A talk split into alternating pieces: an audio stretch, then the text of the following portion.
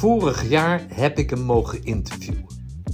Heb een heel klein biertje gedronken op de borrel van Commandovereniging West-Brabant. Om vervolgens de opname per abuis te wissen. Gelukkig gunde hij me een tweede kans. Zodoende kan ik nu zijn verhaal met jullie delen. De zoon van korpslegende Jan, een kerel met een zeer diverse loopbaan binnen Defensie. Kortom, lichting 83.5. Vandaag in de Mutstas podcast het levensverhaal van commando-adjudant Raymond Bokhoven. Adjudant Bokhoven, 65 03 01 254. Ja, uh, mijn vader. Uh, helaas is hij er al niet meer. Uh, dat is inmiddels nu bijna 13 jaar geleden. Ehm, ja, mijn pa, zoals ik hem kan herinneren vanaf mijn jeugd. Ehm, en dan kijk ik even terug vanaf dat ik manneke 4, 5 jaar was. Uh, heb ik daar hele mooie herinneringen aan. Ik ken mijn vader ook op zijn fietsje tussen de middag thuiskomend van de kazerne om even een hapje te eten. Stinkend naar rook, zijn beret op, zijn overal aan en zijn koppel om. En s'avonds was hij er ook weer, of hij was er niet. En hij was er ook heel vaak niet. Want, in die tijd waren die mannen heel veel in het veld. hij heeft ook heel veel ja, commandoopleidingen gedraaid, maar ook panzerstorm, et cetera. En ja, als ik dan kijk, als klein manneke is dat natuurlijk schitterend. als je dan ook af en toe nog eens op die kazerne kan komen. Er waren barbecues, er waren op de vrijdagavond de, de, de borrels. daar waren de vrouwen ook bij aanwezig, maar ook soms de kinderen. En wij konden elkaar ook altijd wel vinden. En ja, als het dan goed weer was eh, en nog licht, dan uh, verdwenen we wel richting de touwenbaan. Of de hindernisbaan, dat was voor ons één grote speeltuin uh, natuurlijk. Dus dat kan ik me goed herinneren. ik weet ook wel dat ik ja, iets van acht jaar was of zo. Is mijn vader ook ja, zes of acht jaar, weet ik niet. in ieder geval, die getallen hebben ze een keer benoemd. Dat mijn vader omgeroepen werd ehm, van wil ik denk toen sergeant of sergeant-major Bokhoven zijn zoontje even uit de klimtoren komen halen. toen was ik naar boven geklauterd en blijkbaar kon ik niet meer naar beneden. Maar ook de touwenbaan, ja, heeft hij ook nog wel foto's van gemaakt toen. Uh, ik was manneke acht jaar en was ik al over die hindernisbaan aan het gaan. Ik, ik kende ook geen gevaar. Dus ja, zo groei je langzaam op uh, in eigenlijk de commandowereld. het KCT. Nou, wat ik me ook uh, kan herinneren, de rugbywedstrijden hè, van toen RCC, uh, Roosendaalse commandocombinatie. Daar gingen we ook regelmatig naar kijken. En ja, dat was daarna weer een, een biertje in die mes. En dan waren wij weer uh, aan het spelen op het terrein. Dus ja, elk gebouw wat daar stond, uh, dat, dat kende ik wel. ja. Dus als ik aan jou vraag mm, hoe jouw jeugd eruit zag, dan is dat eigenlijk allemaal gecentreerd om dat hele commando zijn. Nou, niet gecentreerd, eh, dat hoorde erbij. Ik, heb, eh, ik durf ook te zeggen dat ik een, hele leuke jeugd heb gehad. Eh, een hele mooie jeugd ook. Ik woon in de Westrand. En in de Westrand van Roosendaal, ja, helaas is die buurt nu wat minder. Ehm, maar daar woonden heel veel commando's. Die werden ook eerder toegewezen door de gemeente aan de beroepsmilitairen van Roosendaal en het NS-personeel. En alleen al bij mij op het pleintje woonde iets van, van nou, acht tot tien commando's. ik kan ze nog allemaal zo bij naam noemen. Uh, dus ja, daar de kinderen van. Hoe is dat? Nou, een Oliviers, uh, Posmus, uh, Hellendoren, Mulder, Koenraad, Ploegaard, Kieboom. Nee. Ja, zo kan ik nog, nog wel verder gaan. En die kinderen daarvan, ja, wij kennen elkaar allemaal. Ja. dus wij zochten elkaar ook wel op. Uh, nou, daar had je ook eens aan de andere kant van de Rijksweg had je het zwembad de Stok. Nou, dan uh, vloepten we wel eens de Rijksweg over, toen kon dat nog. Of we moesten omfietsen. Maar we vonden elkaar daar ook altijd. Uh, Ja, ik kan me herinneren als, uh, als manneke dat ik eigenlijk bijna nooit binnen was. Ik was altijd buiten aan het spelen met, met, met vriendjes, hutten bouwen, fikkie stoken, noem maar op. Dat uh, ja, vond ik allemaal leuk. Uh, als het maar niet binnen was en ik had broertje dood aan studeren. Op school, dat, uh, dat boeide me allemaal niet zo. En ik was toen ook wel best wel handig. Dus ik was altijd met mijn handen bezig om dingen in elkaar te zetten. ja. en dan was af en toe dat we naar de kazerne gingen omdat er iets was. En wat het dan was, ja, of het nou een barbecue was of dat het een beretuitreiking was, ja, dan ging je mee. En we vonden dat altijd prachtig. Want daar kwam ik natuurlijk ook weer andere vriendjes weer tegen. Ja. Hey, en het gezin, hoe zag het jullie gezin eruit? Ja, ik, had, eh, ik heb nog een zus, uh, die is vijf jaar ouder. Uh, ja, mijn, mijn moeder helaas overleden toen ik 17 was, op 49-jarige leeftijd. Dat heeft best wel een impact gehad op het gezin natuurlijk. Ehm, maar tot aan die tijd, ja, ik was uh, 15, 16, 17, ja, een, een, puber. En ik geloof echt wel dat ik niet de makkelijkste was. Uh, mijn vader was vaak weg en mijn moeder was niet echt tegen mij uh, opgewassen, dat weet ik ook wel. Uh, ja, dat, dat eigenzinnige, dat zat er toen ook wel in bij mij. mijn vader werd toen op een gegeven moment uitgezonden naar Libanon. Ja, negen maanden lang weg komt terug eh, en dan ja, toch redelijk moeilijke, moeilijke puber. Die, Mijn moeder die kon mij niet echt aan. Uh, ja, helaas is dat ook niet meer terug te draaien. Je kunt wel zeggen op later leven, ja, daar heb ik dan spijt van gehad. Maar ja, wat ben je als manneke van 14, 15, 16 jaar, dan, uh, dan zit je heel, kijk je heel anders uh, ja, tegen het leven aan. was er natuurlijk geen mogelijkheid tot communiceren vanuit Libanon bijvoorbeeld. Nee, dus je, het werd helemaal op je moeder ja. Je krijgt dat in de schoot geworpen. Ja, daar is ja. moeder voor natuurlijk, maar toch. Precies, ja. Oké. Uh, terwijl wel, uh, mijn beide ouders, uh, dat weet ik ook wel, die waren wel ook een vangnet voor de jongere, toen sergeanten, zeg maar. Dat weet ik ook wel. ik noem nou bijvoorbeeld, en ik ken hem ook nog heel goed, toenmalig sergeant Siegel. Nou, die kwam regelmatig bij ons langs. En ja, dan praten ze waarschijnlijk over allerlei probleempjes die toen ook... Hè, die mannen die waren altijd weg en die vrouwen zaten alleen thuis. En dan krijg je als manneke krijg je ook wel eens dingetjes mee als je in de huiskamer aan het spelen bent. Uh, en daarbij uh, gingen ze ook regelmatig bij elkaar even een bakje koffie en een biertje halen.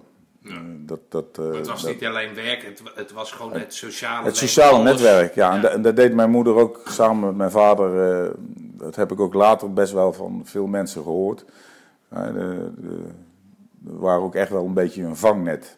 Ja, ja, en dat moest ook wel, denk ik, in die tijd. want ja, de, zoals je nu kijkt, is het vangnet vanuit Defensie wordt meer, meer aandacht aan besteed. En dat denk ik dat dat toen de tijd wel een stuk minder was. Hm. Ja. Jij zegt geen spijt, hè, van, want je kan de tijd niet terugdraaien. Heb je wel verdriet gehad dat je moeder overleed? Ik heb het op een, ja, op een aparte manier verwerkt, denk ik. Dat op dat moment dat mijn moeder kwam te overlijden... Uh, ja, Waar overleed ze anders van? Aan kanker, ja. Okay. Het leverkanker. In eerste instantie werd er gezegd van geelzucht. omdat mijn moeder die werd, werd geel. Maar toen bleek al dat dat kanker was. Ja, vandaag de dag kunnen ze dat veel beter behandelen. Ja, ik praat nu over 19, ja, wel erg jong, hè? 1982 was dat, ja. Ja. maar hoe heb je het verwerkt dan? Ja, ik, op latere leeftijd heb ik ze juist gemist. Mijn moeder en ik gingen niet zo goed samen. Maar het, het is wel je moeder natuurlijk. En, uiteindelijk, ja, dan komen die, eh, je gaat trouwen, dan komen de kinderen.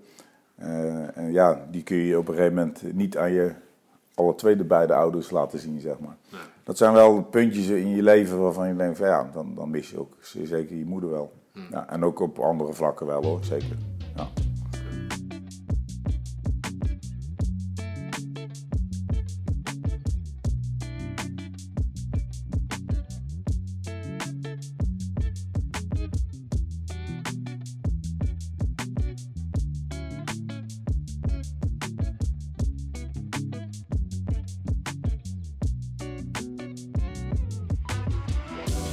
Jij zegt uh dat jij dus uh, veel rondom en in de kazerne gedaan hebt in je jeugd.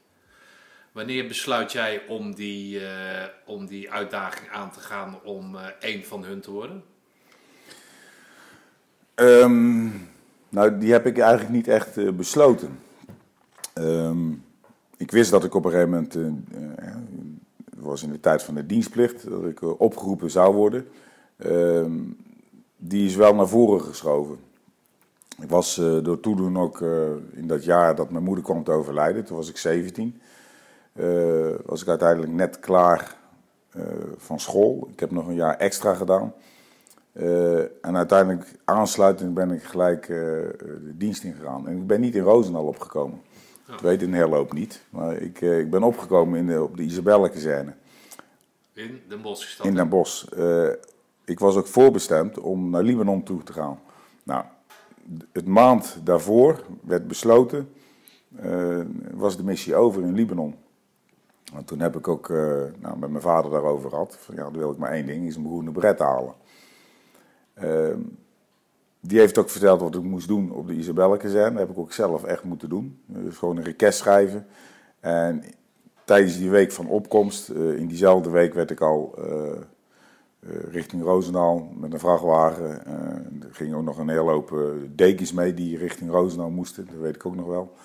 Ja, en toen kwam ik daar het kazerneterrein op. Wat zei jouw vader dan dat jij naar Libanon ging dan? Heeft hij nou, een goede tijd gehad? Of wat, hoe, nou ja, uh, hij, in zoverre, kijk, de, de, bestond die mogelijkheid. Hè, je kon dat ook toen, uh, toen een tijd als voorkeur opgeven. Uh, hij zei zelf ook wel van dat is, zou wel goed voor je wezen, want dan word je ook uh, volwassen. Ik durf wel te zeggen, dat was ik volwassen met 17, 18 jaar? Ik denk het niet. Hm. Nee. En, en daarbij ook, uh, als je dienstplichtig en opkomt en je wordt onder de wapenen geroepen. Ik denk dat dat voor, voor iedereen wel goed is rond die leeftijd. Dus even ja, met beide voeten aan de grond gezet worden, letterlijk. Ehm, ja, dat. Nee, maar ik kan me voorstellen, als jij, hè, zoals velen van ons dan dat hadden moeten opgeven, dat je dan Libanon, nou ja internet was er nog niet, dus je moest het uit de krant of de radio, wat dan ook. Als je avontuurlijk bent aangelegd, nou, sleep een nieuwe Libanon aan, maar 90, 95 procent van die mensen hebben geen idee wat dat was. Nee, nou, ik wel. Maar jij dus wel. Ik had de, de verhalen en de foto's en alles en het leek me ook echt wel, uh, wel spannend. Ja, uh, ik, uh, ik ben wel een, tot op de dag van vandaag echt wel een avonturier.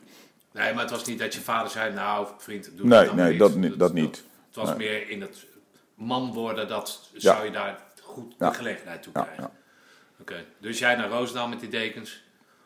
Nou ja, niet met die dekens, die dekens werden gelost, maar uh, ja, dat weet ik nog wel. Dat ik, uh, en uh, ja, dan kom je dan bij de opkomst, hè, bij, valt dan onder de staf-staf, verzorgingscompie. En daar zat mijn vader toen ook. Je, komt als bok over binnen natuurlijk. Ja, dus dat weet iedereen. Ja, en ik probeerde wel die grijze muis te zijn. ja, dat, dat lukte natuurlijk niet. En toen werd ik ook, uh, dat was dan het, uh, uh, nog niet het derde peloton. Want dat is later gevormd in de, toen ik naar de 104 ging. Maar ja, je zat bij, in de vooropleiding. dan weet ik ook nog wel dat ik dus in die klas geïntroduceerd werd. En ja, hun keken ook van, nou, dat is dan zoontje Bokhoven. En ja, er werd wel op een andere manier naar mij gekeken op dat moment. Ja. Door instructeurs of door medecursisten? Mede, nou, cursisten waren ze nog niet, hè. Ja, maar mede, ja, in ieder geval. Uh, ja, ja, heb ik later ook wel gehoord. Uh, ja. ja. Alleen, wat deed jouw vader in, de, in dan? Wat, wat was die was uh, een compiesjean toen nog. Ah, okay. Wel in de rang van adjudant, maar... ja, en hij deed ook toen al de, de, de neventaak die hij had hè, op overlevingsgebied. Ja. Nee, maar hij was niet meer instructeur daadwerkelijk. Nee, Nee, nee dat, oké. Okay. Nee. nee oké. Wat, wat, hoe, hoe, hoe, kom je daar dan binnen? Want ja, jij weet dat je er zoon van bent. Dan, ja, nou, ik, wel... ik, uh, ik wist wel, ja, je moet in ieder geval uh, twee maanden die vooropleiding doen. En ik, ik had me sowieso, ik sportte in die tijd best wel veel. En, ik heb toen zelfs nog mijn conditie nog, nog meer naar een hoger level gebracht. Ik, ik heb geloof ik wel in dat half jaar tijd iedere dag zo'n, op de zondag na zo'n 10 kilometer hard gelopen. Dus daar moest ik het ook echt van, van hebben. Ik was nog niet echt een hele grote, sterke kerel. Ehm, maar ja, in die vooropleiding uh, word je ook een stukje vorming, werd daar al gedaan. Welbekende knik- en knakoefening, hè? iedere dag naar, naar vast werken. Ehm, ja, dat kan ik me wel goed herinneren. En dan uiteindelijk, na die twee maanden, krijg je het gesprek of dat je door mag. Of dat, je... Nee, maar voelde jij geen extra druk omdat je er zo ja, van was? Ja, absoluut. je wel? Ja, ja, ja. Want het zijn toch altijd de verhalen, als ze weten dat je een connectie met iemand hebt, dan wordt er in ieder geval minimaal op je gelet. Minimaal. Ja, die, die, die, grijze muis kun je gewoon niet Nee. zijn. Eh, kijk, de, het was ook zo, de, ik kreeg in de vooropleiding al eh, instructeurs die zelfs door mijn vader waren opgeleid. Ja. Eh, ik heb nooit iets gemerkt van, van rancune. Helemaal niet. En daarbij, ja, ik, ik moest mezelf gewoon ook bewijzen.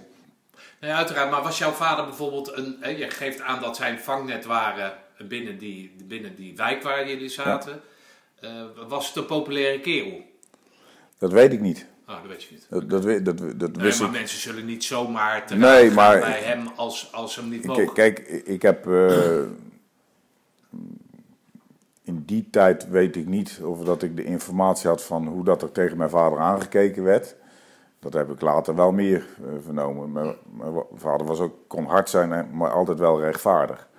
Eh, zo heb ik ook, eh, zowel in de vooropleiding en zeker ook in de commandoopleiding, eh, wel instructeurs in die hoedanigheid meegemaakt. Daar kon ik wel een vergelijking maken. Maar ik wist bij God niet wat het mij allemaal te wachten stond. Want daar had hij mij totaal niet in geïnformeerd. Ja, hoe dat die commandoopleiding... Ik heb dat wel gevraagd. Eh, hij zei, daar kom je vanzelf wel achter. Ah, oké. Ja. Ik Ja, voor hem en hij het zei ook... natuurlijk ook een testrace zijn geweest. Want zijn zoon zit in de ECO. Ja, wat doe je als iemand, hè, jouw zoon zijnde, het niet haalt? Ja, ja dat, dat, dat, dat klopt. En, eh, Lijkt me ook niet fijn. Als vader, ik heb nooit eigenlijk over nagedacht, maar als vader lijkt me het ook niet leuk. dat weet ik niet, hoe daar, dat hij daar tegenaan keek. Ehm, ik, eh, ik denk dat hij wel heeft geweten... ehm, Dat ik vertrouwen. Ja, ik denk het wel, omdat ik, eh, ik ben altijd wel een, eh, ook een eh, doorzetter geweest. doorbijten. Ik heb bijvoorbeeld ook op judo gezeten. Ehm, ja, daar heb ik ook alle gradaties in, eh, in gehaald, eh, tot aan de eerste dan dan. Maar... nou, dat is niet zomaar wat, hè? Het is geen gele slip. nou ja, een, Nee, een zwarte band. Ja. Maar in ieder geval, ja, altijd wel meegekregen, ook in mijn jeugd. Als je ergens aan begint, dan maak je het af. En ja, eh, bij mij heeft zeker, zeker meegespeeld. Eh, ja, wat mijn vader kan, kan ik ook. En, eh, Oké. er, er zat bij mij echt wel een prestatiedrang in, absoluut. Ja. Ja. Maar dan ga jij dus als jongste van jouw peloton, Ja, of van, de, van die lichting, ga jij de ECO in. ja. En dan ben je Ja, en 17 jij, jij, vroeg, jij vroeg het gisteren nog en volgens mij is er nog, was er nog één die net ietsje jonger was dan ik. Dat was Rietveld, geloof ik. Maar ik was een van de, eh, een van de jongsten. Oké. Ja, ja. En dan? Dan begint het. Je, je vader heeft niks verteld daarover. Nee, eh, nou uiteindelijk eh, krijg je het gesprek en dan, dan ga je de, de ECO in. Ja, dan kan ik het rondje appelplaats nog wel herinneren. Hè? Dat je je bret afgooit, je mutsdas op en eh, volgen. En dan ga je die twee weken commandoopleiding in. En dat, eh, ja, tot op de dag van vandaag eh, weet je daar wel heel veel dingen van te herinneren. Ja, en ik heb het, bepaalde dingen zijn denk ik ook als een roes langs me heen gegaan. En bepaalde dingen ook weer niet. En ik kan ook dingen echt bijna letterlijk terughalen van wat eh, dingetjes, eh, Momenten bedoel je? momenten, ja, Ja. die er dan gebeurden. Eh, en ik, ik, ik, weet het ook wel, ik was in die tijd ook, ik begreep het niet allemaal zo. Ik was ook redelijk naïef. En ik liet me ook heel makkelijk leiden. Ja, en ik- gewoon als er iets aan je gevraagd wordt, dan doe je dat. Ja, eh, soms lukt dat natuurlijk niet. Want ze gaan eh, tot het uiterste en verder. Ja, dan lukt het niet. En dan, ja, dan baal je van jezelf waarom het niet lukte. En uiteindelijk, ja, als ik, ik altijd maar, die, die, die commandoopleiding, uh, ze trap je in een heel groot gat, waar je denkt niet meer uit te komen. Ze trappen je nog dieper naar beneden. En uiteindelijk haal je ze heel langzaam uit. En dat is eigenlijk met een rode draad hoe de commandoopleiding in elkaar zit. Uh, kijken tot hoe ver je met iemand kan gaan. En of dat hij uit het juiste hout gesneden is ook. Ja, en dan kijk ik ook wel terug van, ja, was ik dan die hele goede commando? Nee, ik zag wel kerels bij mij in mijn peloton die, die vele malen beter waren. Uh, dat zag ik ook wel uh, gebeuren. Die waren ook sterker, die waren al volwassener. Ik had ook kerels van 4, 25 al in, mijn, in mijn peloton zitten. Een aantal mariniers die al een stukje achtergrond hadden. En dan kom jij dienstplichtig op, uh, toeten nog blazen. Ja, ik wist hoe de kazerne eruit zag. En de hindernisbaan en de klimtoren. Maar dat was het ook. Ja. Nou. nou ja, als je 17 bent... Ik heb, ik heb laatst een uh, interview met Peter Bergs, een marinier, uh, teruggeluisterd. Ja, die, dan hoor je hem vertellen dat hij zeven jaar al marinier was. Hè, zijn ja. eerste uitzending al had gehad. En dat hij dan naast jongens zit die twee maanden vooropleiding hebben gehad. Precies. En dan diezelfde commandoopleiding ja. ingaan. Ja. Dus dan is het niet zo gek dat je als 17-jarige naast een keer van 25, 26 met ervaring, dat je daar het aflegt. Ja. Op sommige momenten. Ja. Maar dat is het mooie van, het, uh, van het ding, toch?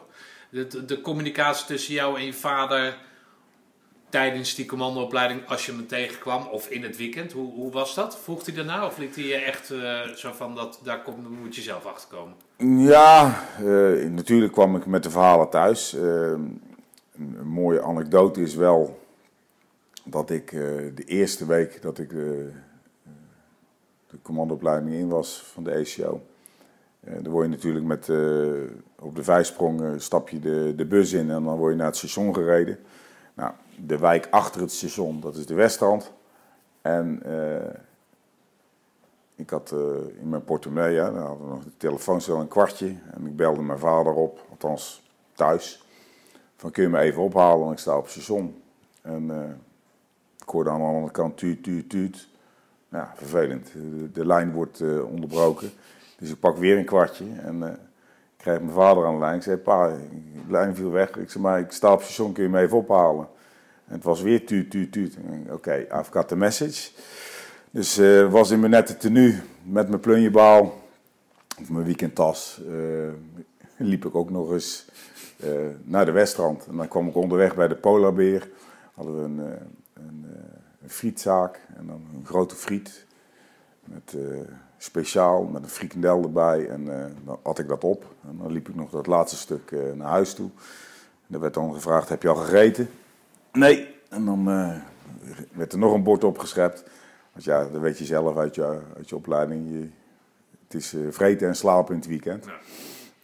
En uh, ja, dat kan ik me wel herinneren. Maar kreeg, gaf hij je de kans om bepaalde dingen voor te leggen? Pa, ik ben daar en daar tegen aangebotst.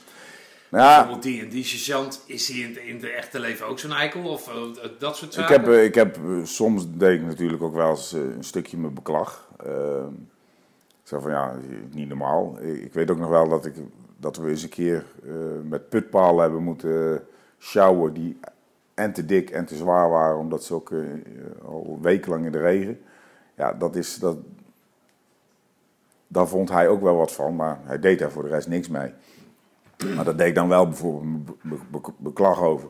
En ik weet ook nog wel dat hij uh, mij masseerde af en toe om al die die knopen in mijn rug uh, van de hele week uh, eruit halen. Dat, uh, dat vroeg ik dan ook wel. Van, ja, ik heb last van mijn rug. Nou, ga maar even liggen. Zo deed hij ook wel. Ja. Mm, ja. Okay. Ik weet nog goed dat ik, en dat is denk ik ergens in de vierde week geweest, was op de kazerne. En of ik nou mijn dag niet heb gehad, ik weet het niet. Maar ik kwam bij, het, bij het slingertouw. Heb je die, die hindernis dat je over dat, dat bovenste bord heen moet, hè, dat, die wand.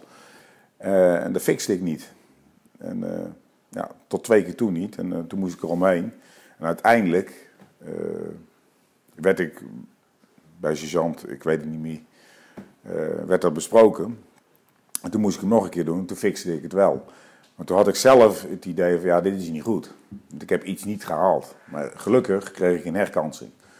En toen had ik wel het gevoel van, nou, dit is wel een, een kruisje achter mijn naam. Eh, als ik dit zeg maar nog twee, drie keer met iets anders doe, dan lig ik eruit. Dus uh, wil niet zeggen dat ik dan nog meer mijn best deed. Nee, helemaal niet. Uh, want dat, dat doe je continu. En je gaat maar door. duizend keer per dag denk je wel van ik stop ermee. Maar je gaat door. En dat, is, dat heeft te maken met een stukje ja, mentaliteit, denk ik. Wanneer had je het gevoel dat je hem dat er best wel eens kans in zat? Ja, ik denk wel eh, de, de, de, de Marseledamweek. Dan praat je over de, over die zesde of zevende week was dat. En dan, uh, ja, op, vandaar uiteindelijk eh, de, de afmatting. Ik denk, ja, nou, nou moet ik wel heel gek doen. Wil ik nu nog ontheven worden? Maar ik heb ook daar weer een, een momentje gehad. Uh, dat ik echt dacht dat van, nou, nu moet komen en nou word ik ontheven. En mijn luitenant toen, uh, die nu generaal BD is, uh, de luitenant Verweren, hij sprak me nog op de, de reunie. In, in mei was het, sprak, sprak hij er nog over, was met niemand in gesprek. En, nou, toen begon hij weer over dat verhaal. Wat ik toen ook heb meegemaakt, wat hij eigenlijk bij mij flikte. Eh, we waren ergens in de. Ik heb rondje Zeeland gedaan. We waren ergens op een. En ik weet echt niet meer welk plaatsje het was. op een klein pleintje. het was s'nachts. Een paar lantaarnpalen branden. En commandoopleiding halt. Naar linksom. Cusis Bokhoven uittreden. Nou, dan voel je je benen heel zwaar worden. En fuck, wat, wat gebeurt er nu? Dus ik, uh, ik loop naar de. Ik treed uit en ik uh, meld me bij de ECO-commandant, de toenmalige luitenant Verweren. Ja, plaats rust. Cusis Bokhoven, wat krijg jij als jij commando wordt? Dat word je niet, maar stel dat. Ik, denk, wat wil hij nu? Maar ik wist dat mijn vader heeft tegen mij gezegd: als je je bret haalt, dan krijg je mij een commandodolk. Dus dat zei ik op een gegeven moment ook. Ik zei, ja, ik zei als ik het haal, dan, uh, dan krijg ik een commandodolk. En hij begint te lachen. Uh, ja, donder op, intreden, wegwezen. En ik treed weer in, in het peloton. En ik zit met hele grote vraagtekens, de rest van de afmatting. Nou, wat was er nou gebeurd? Uh, dat mijn vader, die, die was af en toe wel eens ja, vergeetachtig of kon wel eens dingetjes op een andere manier doen, laat ik het dan zo zeggen. Dat die commandodolk laten graferen uh, met zijn eigen registratienummer erin. In plaats het registratienummer van die van mij. En dat heeft hij tegen iemand gezegd op zijn bureau. Nou ja, die instructeurs die wisselen elkaar ook allemaal af. Dus dat kwam al heel snel bij de ECO terecht. Dus ook bij de luitenant Verwegen. En dus ik heb uiteindelijk, heb ik, heeft mijn vader een, een, een nieuwe commandodolk gekocht en, met een goede nummer erin. En ik heb alle twee de commandodolken, die heb ik hierboven. Ja, dus dat is wel een mooi verhaal daarachter, uh, hoe hij ook kon zijn. En ik heb op dat gebied helaas ook wel wat dingetjes van mijn vader erf. Want ik heb, ik heb zelf ook wel eens van die, van die fratsen van... Ja. Dat je versteld van, staat van dat je iets doet wat eigenlijk... Ja, of, of van, hoe kom ik hier nou weer bij, weet ja, je wel. Dat, okay. ja, nou, mijn opa scheen dat dus ook te, gehad hebben. Dus ja, Laat ik, het maar, laat ik het er maar op gooien dat het in de genen zit. ja. en uh, dan kom je dan uh, die tranenpoort door. Uh, we hadden het er net in het voorgesprek even over. Op die, met die oude song van de Green Beret, of dat, hoe noem je dat? De, de Ballads of the Green Beret, ja. Dan moet iets aan je voor, voorbij trekken als jij daar op die appelplaats staat, dat nummer hoort. En ja zo'n geschiedenis, zo'n voorgeschiedenis hebt. Ja. Kan je dat ja. gevoel eens beschrijven? Ja, dat, dat, dat gevoel is natuurlijk, of natuurlijk, voor iedereen die zijn groene beret heeft, onbeschrijfelijk, letterlijk. Als je die tranenpoort doorkomt. Onderdoor. Ik heb overigens, links en rechts kijk je omheen, uh, zie je die tranen komen. Die tranen die, die kreeg ik niet. Uh, maar het deed me wel enorm veel. En ook uh, dat gevoel van absolute trots die je dan hebt dat je die appelplaats opmarcheert. S'morgens vroeg, het was 22 december 83, dus hartstikke donker. onder de TL-verlichting nog wat regen erbij. stond je daar met, met je hele hebben nou om met je Uzi voor je. En stond je op de appelplaats en word je afgemeld door de ECO-commandant. Ja, dan gaat er wel iets door je heen. Ja. Hm. Nou. Ja. Kan jij vertellen hoe trots jouw vader was? En hoe die dat ik, wel eh, of niet liet blijken? Nou, laat, laat ik het... Laat ik dan eerst daar iets over roepen. Dat mijn vader op dat gebied uh, eigenlijk nooit zichzelf zo heel erg uitte daarin. Ik geloof echt wel dat... Want dat was ook zo, omdat hij was ook nog eens staffotograaf voor de Groene Bret. deed hij vaak met Jan Tak, ging die op route. Hè, commando, wat doe je voor de kost? ja, want mijn vader was ook in de positie om foto's te maken. En dan weer een anekdote. Ik stond in het rijtje en hij maakte een foto van de cursist naast mij. In plaats van mij. Omdat ja, we waren natuurlijk nog helemaal gecamoufleerd. Um, dus dat, dat, kon ik me nog goed herinneren. Maar ja, dat hij ook die absolute trots had, uh, ja, dat geloof ik zeer zeker wel. Ja. Maar hij heeft het nooit zo gezegd, jochie, kom eens bij me. Ik ben super we gaan het er niet meer over nou, hebben. Dat, dat, jawel, jawel, dat heeft hij wel uh, gezegd. Of was maar die dolk, was dat zijn, ja, zijn ja, manier van, van waardering uitspreken? Ja, absoluut. Hm. Oké. Okay. Hey, 104, wat uh, heb je daarvan opgestoken? Wat ik daarvan opgestoken? Ik heb, uh, denk ik, en ik heb best wel wat dingetjes gedaan in Defensie. best wel breed ook.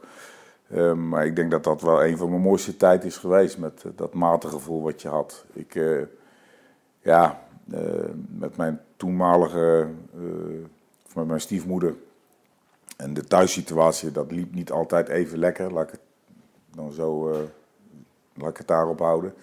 Dus ik sliep gewoon op de, op de kazerne ook, terwijl ik eigenlijk tien minuten van de kazerne op mijn fietsje vandaan woonde. Dus ik, bleef ook altijd intern. Ik heb maar een paar keer in mijn hele diensttijd uh, dat, ik, uh, dat ik thuis ben gaan slapen. We hadden een heel mooi peloton. Een heel hecht peloton. tot op de dag van vandaag. Dit jaar zijn we 40 jaar gerecht tot dragen van de Groene Bret. En we hebben in, in september hebben we een reunie in de buurt van, van Katwijk. Dus wellicht is dat bij uh, Egbert Ruigrok. Dat, zou zomaar eens kunnen. Ja. Ehm, ja, uh, maten voor het leven. En bij, met de een heb je beter door een deur kunnen gaan dan de, dan de andere. Maar ik heb, uh, als ik ook in mijn vriendenkring kijk hier in Roosendaal, zijn ook uh, de meeste allemaal oud-commando's. Maar mijn peloton, die was wel, ja, wij noemden ons ready to dig. Hè? Klaar om te graven. En dat, ja, daar hebben we ook nog een mooie foto van. T-shirt kan ik je straks wel laten zien. Um, maar wij hadden, wij hadden Bert Thijssen als natuurlijk ook ACO-instructeur. Ja. Samen maar die was jullie pelotons uh, Nou, die werd onze pelotonssergeant. En we hadden echt zoiets van, wij gaan een hele zware tijd tegemoet. Tien maanden paraat onder, vleugels, onder de vleugel van sergeant Thijssen. Nou, met alle, die heb, ik heb daar zoveel respect voor hem gekregen hoe hij ons peloton bij elkaar hield. En ja, uh, ik noem het altijd maar even, in het nummer wordt beschreven één bonk schoren. Nou, dat waren we ook natuurlijk, hè? 18, 19, 20 jaar gemiddeld. Uh, maar hoe hij die, die, uh, die synergie had om ons bij elkaar te krijgen en te houden. En ja, dat was mooi. Was, we hebben, ik heb ook echt een hele leuke 104 tijd gehad. Ja, maar met, wat met al die mooie... doorgaand op, op Thijssen dan? Wat, ja? wat, wat peloton is een functie waarin de, uh, de commandant de commandant is. Hè? Wie was jullie ja. luitenant? Uh, Koedam. Oh, Koedam, oké. En dan is de, de, de, de rechterhand, hè, met veel ervaring, me, merendeel van de tijd, is degene die die commandant dan begeleidt, tussen de jongens staat, mee op oefening gaat, ook daadwerkelijk de grond onder of in de grond of onder de grond. En, en, maar wat, wat deed, deed hij ook in zijn vrije tijd dan dingen met jullie? Probeerde je te... Nou, nee, dat nog niet eens zozeer, maar uh, we hadden natuurlijk ook wel uh, die, die, pelotonsfeestjes in de, in de Laatmaarbar, uh, noem maar op. Ik moet overigens zeggen, er kwam ook nog een sergeant bij, dat was Leo Royakkers. Ja, zowel Leo als, eh, als Bert, die zie ik nog eh, regelmatig. En, eh, ja, beschouw ik ook echt wel als, als zijn vriend. Ik heb ook veel aan hun gehad. Ehm, maar in die 104-tijd, met die, die, die eenheid die we toen hadden, gevormd door hun ook verder, ja, met alle oefeningen die we moesten doen, de feestjes, de barbecues, noem maar op. Maar het was ook, dan gingen we sporten. En zei je, ja, we zijn nog niet klaar met sporten, we gaan nog even een uurtje door. En dan bleef Bert ook gewoon eh, eh, meevoetballen tot, tot zes uur. En dan kon hij nog eh, snel eventjes douchen en een hapje eten. Dus dat deed hij ook. Ja, ik kwam s'avonds ook wel eens terug. om even ja, gewoon een biertje met ons te verbinden doen. dus. Absoluut, absoluut. Ja. Oké. En ook, ja, als ik dan terugkijk, wat ik dan mee heb genomen, ook in, een stukje in mijn carrière tot wat ik nu ben. Eh, die stukje basisvorming, niet alleen door de commandoopleiding, maar ook wat ik in die 104 ervaren heb, dat heb ik wel meegenomen. Dat heb ik ook wel aan, eh, aan hun te danken. Oké. Ja. Dat is dus voor elkaar klaarstaan. Ja, ehm, eigenlijk gewoon eh, de, hè, de, de, de kernwaarden die we nu, die nu beter omschreven hè, het moed, beleid, eer, trouw en trots. Ja, die- dat zijn die kernwaarden die, eh, die er toen al in zaten. Die spraken we toen niet zozeer uit, maar dat zat er toen wel in en dat, eh, dat kon hij wel, eh, ja, hoe moet ik dat zeggen? Daar stond hij voor. Dat leefde hij. ja, precies. Probeerde hij, of dat, Ja. dat bracht hij aan jullie Tot- over. Tot op de dag van vandaag, zegt Bert ook, die, die is nog steeds nu als burger werkzaam. Ja, dit is gewoon, dit is onze familie. Ja, we Ja. zien het ook allemaal als familie. En dat, zo noem ik het ook wel, wel hoor. In, eh, eh, iedereen die die bered heeft, we hebben allemaal die, die, dat respect naar elkaar. En wij zijn gewoon één groene familie. Eh, ja, Nou, dat wordt natuurlijk door jullie, jullie Roosendalers, zeg maar, hè, met ook al, wordt dat natuurlijk wat, wat meer beleefd dan dat je elders woont. Ja, toch? En zeker als je beroeps bent, je komt elkaar nog eens een keer tegen Ja. op, op, op vreemde momenten, bij de supermarkt of voor een Ja. sportschool of wat dan ook. Dus dan is dat meer dan dat je één keer in de vijf jaar weer eens terugkomt voor een reunie. Ja, ja nou, dat, dat klopt misschien wel. Eh, de, ja, de commando's die hier in Roosendaal en omstreken wonen, die, die, ja, ik denk dat ik wel eh, bijna iedereen ken. En als daar ook dan iets mee gebeurt, eh, ja, dan, dan, dan doet dat wel iets met je. Ja. Ja, een voorbeeld nu, eh, ja, Ron Aartsen, in, instructeur in mijn commandoopleiding waar ik heel veel aan gehad heb. Want die was wel degene die eh, van, hé, hey, dan mag hij wel zoontje bok over zijn, maar tot hier en niet verder, want dit gaat nergens over. Ja, want ik werd ook wel eens apart eh, dat ik dingetjes moest doen. Ja, die kreeg een hersenbloeding in Duitsland.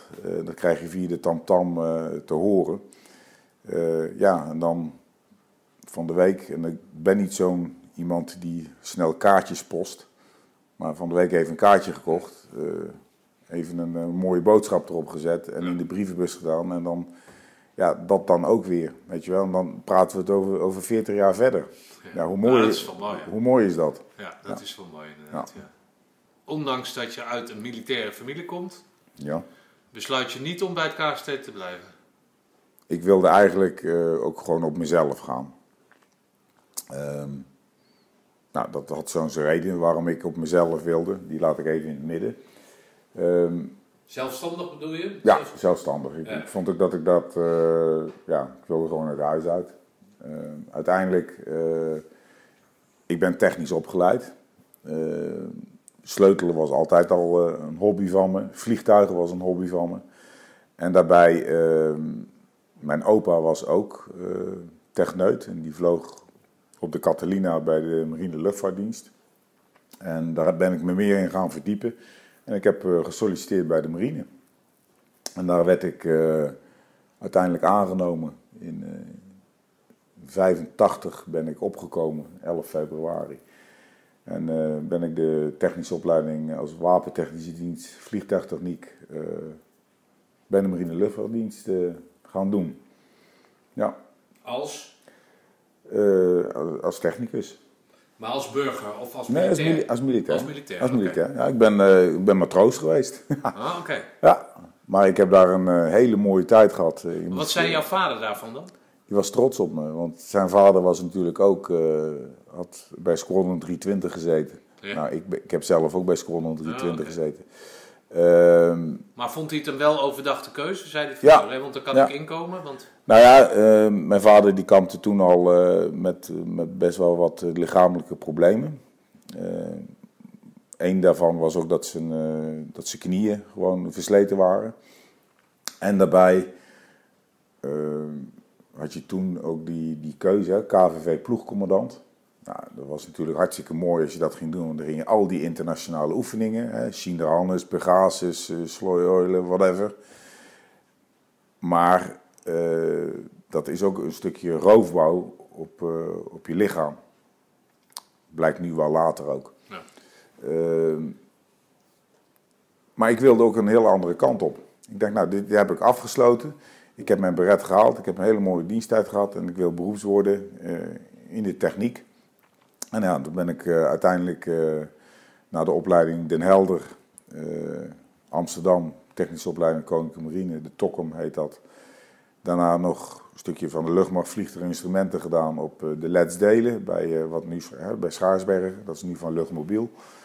En uiteindelijk kom ik, word ik op Valkenburg geplaatst. Dat is voormalig vliegkamp Valkenburg. Ja, daar heb ik allerlei functies doorlopen, waaronder ook op Squadron 320. Ja, regelmatig op trip naar het buitenland, Curaçao, IJsland, Siconella. Af en toe nog eens wat andere tripjes. Ja, dan zie je wat van de wereld en dat wilde ik ook. Dus ik heb daar eh ja, 12 jaar eh, eh, bij gezeten.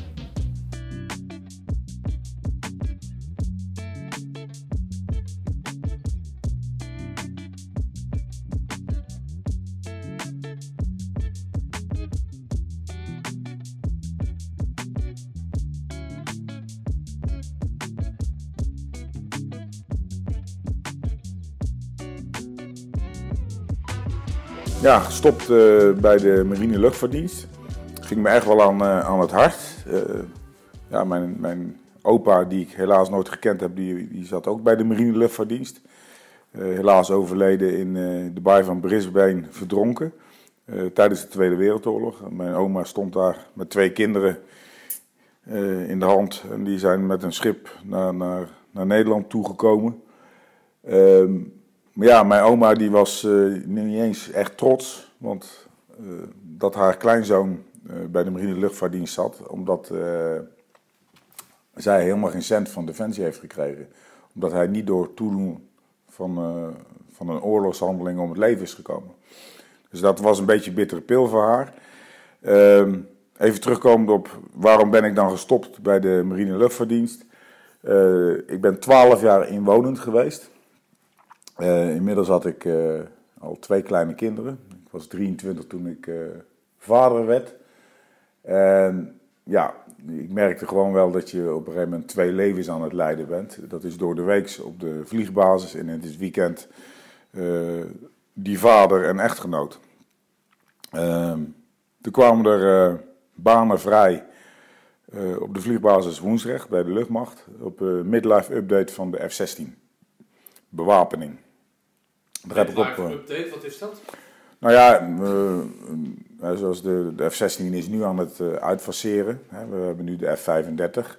Maar de naam zegt het al, midlife update. Ik praat over, over 25 jaar geleden. Eh, die moest nog even door.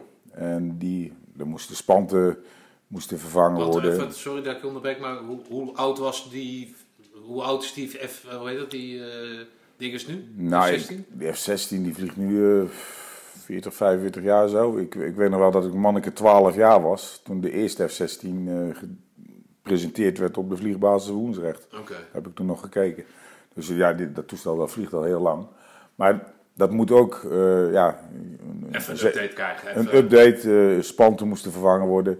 En die midlife update die hield ook in dat er zo'n eh eh 70% bedrading uit werd gehaald en 120% bedrading terug in ging. Dus het werd ook nog eens uitgebreid.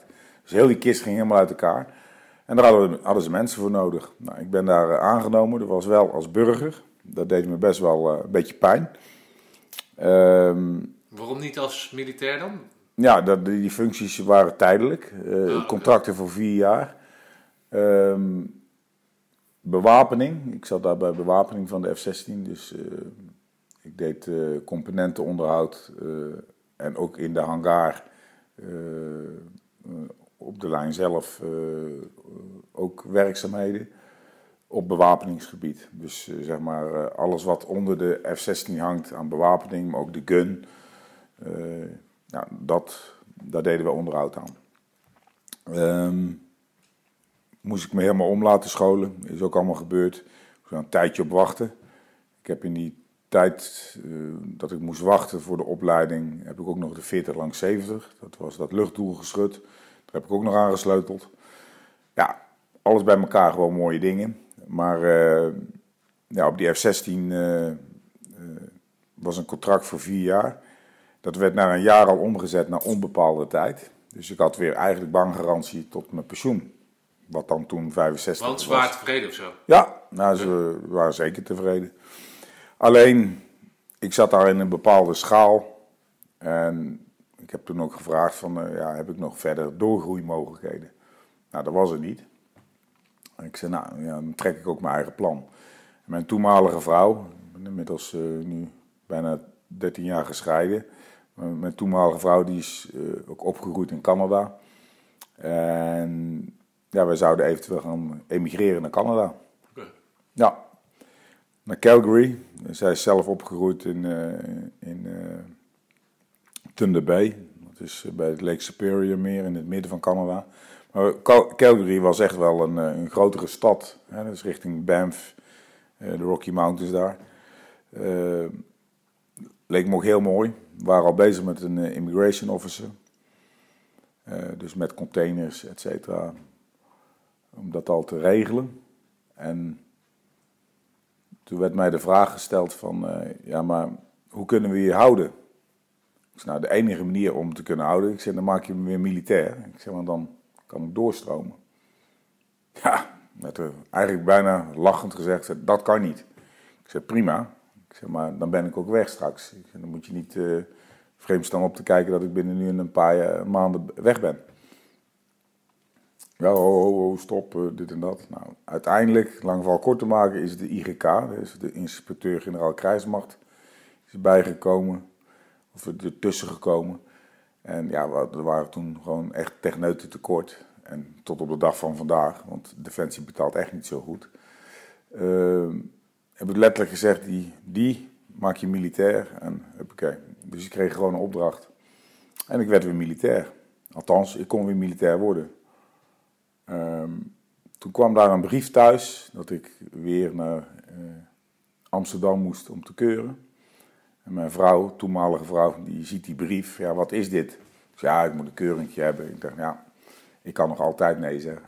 Maar ik werd goedgekeurd. Uh, daarbij ook de randvoorwaarden. Ik kon al mijn marinejaren meenemen. En ik was al specialist en ik werd gelijk uh, sergeant 1. Dus ja, dat waren wel dingen om over na te denken. Heb ik voor mezelf besloten om ja te zeggen. En toen moest ik dat nog wel even thuis uitleggen. En toen heb ik ongeveer twee maanden geen geluid gehad. En dat vond zij niet zo uh, prettig natuurlijk, dat snap ik ook. Um, maar uiteindelijk uh, ja, was ik wel weer happy dat ik militair was, werd. Ik heb toen nog uh, anderhalf jaar als uh, wapentechneut op de S-16 gewerkt. En toen kwam er een vacature vrij als Combat Survival Instructor op de vliegbasis Schilderijen. En dat was bij het VOTC, Vliegveiligheid Oefen- en Testcentrum. Dat heet nu de Serenschool. Nou, SERE staat voor Survival, Evasion, Resistant en Extraction. Oké. Okay. Uh, maar geef eens aan, wat, wat, wat, wat, is, wat behelst dat dan? Uh, wat behelst dat dan? Eigenlijk het opleiden van uh, luchtvarenden. Ehm, die eh, in voorkomend geval neerstorten. En dat kan in, een peacetime situatie zijn, maar dat kan ook natuurlijk ook in een oorlogssituatie zijn. dan heet het combat. En die moeten gerecoverd worden. Nou, daar zijn allerlei procedures voor. Ehm, maar ook bijvoorbeeld een ditching in zee. Een helikopter die boven zee uh, vliegt en in het water, die, doordat die motoren boven zitten, draait die helikopter om. En dan moet de escape plaatsvinden. Dus ik was ook op een gegeven moment uh, duiker, hè, veiligheidsduiker in het zwembad of instructeur in die, in die trainer, in die METS trainer, Modeler Igris Training System. En dat zit in Gilserijen. Sea Survival waar, deed ik. Waar dat gesimuleerd wordt. Ja, waar dat Ja, gesimuleerd wordt. Dus ik heb al die, alle vliegers eh, in al die jaren allemaal voorbij zien komen. Eh, de F-16 vliegers deden we ook eh, trainen. Eh, want die kunnen ook eh, uit moeten balen. Dat, eh, dat ze aan een parachute komen te hangen. Daar zijn trainingen voor. Die schreef ik ook, die lessen schreef ik daarvoor. Eh, nou, allemaal mooi werk. Maar ook alle helikopterbemanningen. eh, de KDC-10, de Hercules, eh, toen nog de Fokker eh, 50 en eh, de Fokker Dus alles 70. wat in de lucht, lucht hing of Ja. lucht... eh, En het mooie was ook nog eens toen de Orion, eh, waar ik dus vandaan kwam, boven Irak moest gaan vliegen om daar dingetjes te gaan doen. Die moesten hals over kop ook opgeleid worden. En toen kwam ik allemaal oud-collega's op. Toen het VUTC kwam ik tegen en die vroegen, Pok over, wat doe jij hier? Ik zeg, ik ben de komende maand jullie ergste nachtmerrie, denk ik. Want ik wist hoe de mentaliteit van de marine een beetje zat. Nou, die hebben wel afgezien, maar vond het ook allemaal hele mooie en nuttige training hoor. Ehm, ja, je moet het een beetje. Dit is een hele eh, geromantiseerde film, maar behind enemy lines. Ja, daar zat ik aan te denken. Om even Ja, te nou, inderdaad. Scottle Grady, die eh, toen eh, boven Bosnië neergeschoten werd, die werd toen gerecoverd. Nou, die man die heeft letterlijk alles gedaan, verkeerd gedaan wat hij kon doen. Maar het werd wel geromantiseerd in die film. Maar ik, ik heb het officiële rapport helemaal gelezen, hoe dat gegaan is. En die heeft gewoon heel veel geluk gehad. Ehm, Maar maar jij zegt, ik schreef dat. Hè, dus schreef hij ook die lessen. nou, herschrij- herschrijven van lessen, syllabi, et cetera. Ja, oké. Dus jij Ja. haalt informatie uit de hele wereld. En dat heb Ja. je gemaakt tot een Ja. lesprogramma wat aansloot Ja. bij, bij jou. Ja, het mooie van de, van de, van de serenschool is dat je... eh, wij kregen echt de kans om eh, de expertise wereldwijd te doen. Ik heb ook eh, een vijfweekse survival training in, in Australië gedaan. Nou, het voordeel daar had je... Je hebt jungle, je hebt desert, je hebt sea survival, sea coast survival. maar ook basic en jungle. Ehm, het enige wat je daar niet had was Arctic, maar daar was ik al in getraind. Ehm, ja, dus jungle je kreeg training. vanuit Defensie kreeg voldoende Ja, dingen aangereikt Ja, om jezelf te verrijken met kennis. ja, absoluut. Oké. Ook eh Wel mooi. eh, vijfweekse cursus, eh, het zomergedeelte eh, in, in Zweden, bij Carlsberg, berg. Ehm, twee weken de wintergedeelte aan vast. In totaal zeven weken. Nou, dat maak je dan ook Zweeds survival instructeur. Ehm, ja, in die hoedanigheid ben ik bijna ieder jaar ook eh één of twee weken wel naar Zweden geweest om daar de Arctic training te geven, die dan de luchtvarenden ook moeten hebben. Ehm, ja, jungle training, Belize. Ehm, ja, ben ik allemaal geweest? Eh, binnen Europa veel, veel oefeningen gedraaid ook. Noorwegen. Mooi man, mooie functie. Ja, was echt een, eh, daar heb ik echt eh, met heel veel plezier gewerkt. Het was wel ehm, hard werken. Ehm, het probleem was, en dat heeft de Sierenschool nog steeds. A, ze krijgen niet eh, de juiste personeel genoeg. En er is personeel te weinig. Voor de beeldvorming, KCT is het kenniscentrum op resistance geworden. En we doen zelfs daar nu ook de ondervragingen voor het KCT. Dus alle operators die hier bij het KCT worden opgeleid, die gaan ook een week of iets langer eh serentraining doen op de survival eh, school in Gilsrijen. Dus daar moeten ze ook naartoe. Maar ook luchtmobiel, ook eh, de BSB, eh et cetera. Dus het is breder geworden, maar er is niet meer personeel bijgekomen. En dat, is, dat heb ik met, eh met ledenogen aangezien, hoe dat daar op het ogenblik aan toe gaat. Dat is jammer. Maar dat is dat stukje bezuinigen. Eh, het, het wordt wel verbeterd, er komen meer functies bij daar. Ik praat nog wel eens met die jongens. Eh, Maar ik heb zelf daar ja, een schitterende tijd gehad. Hoe mooi is het om zeg maar eh, en instructie te geven, want dat, dat vond ik echt heel, echt een prachtig vak.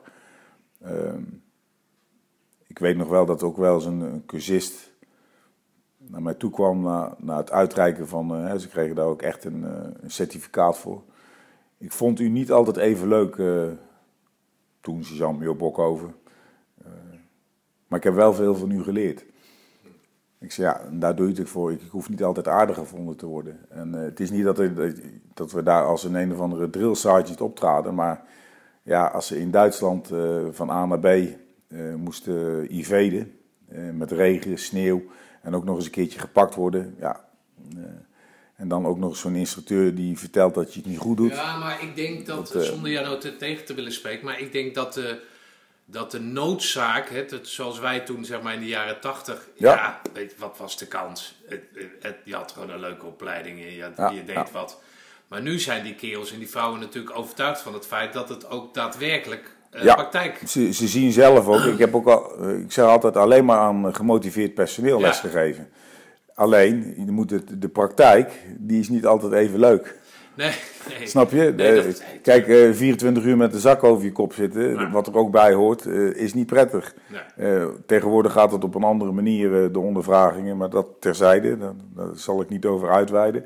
Maar ook in, in, in Duitsland of België van A naar B gedurende een, een week opgejaagd worden met oefenvijand, helikopters boven je, et cetera. Ja, en dan ook niet gepakt worden. En soms wel.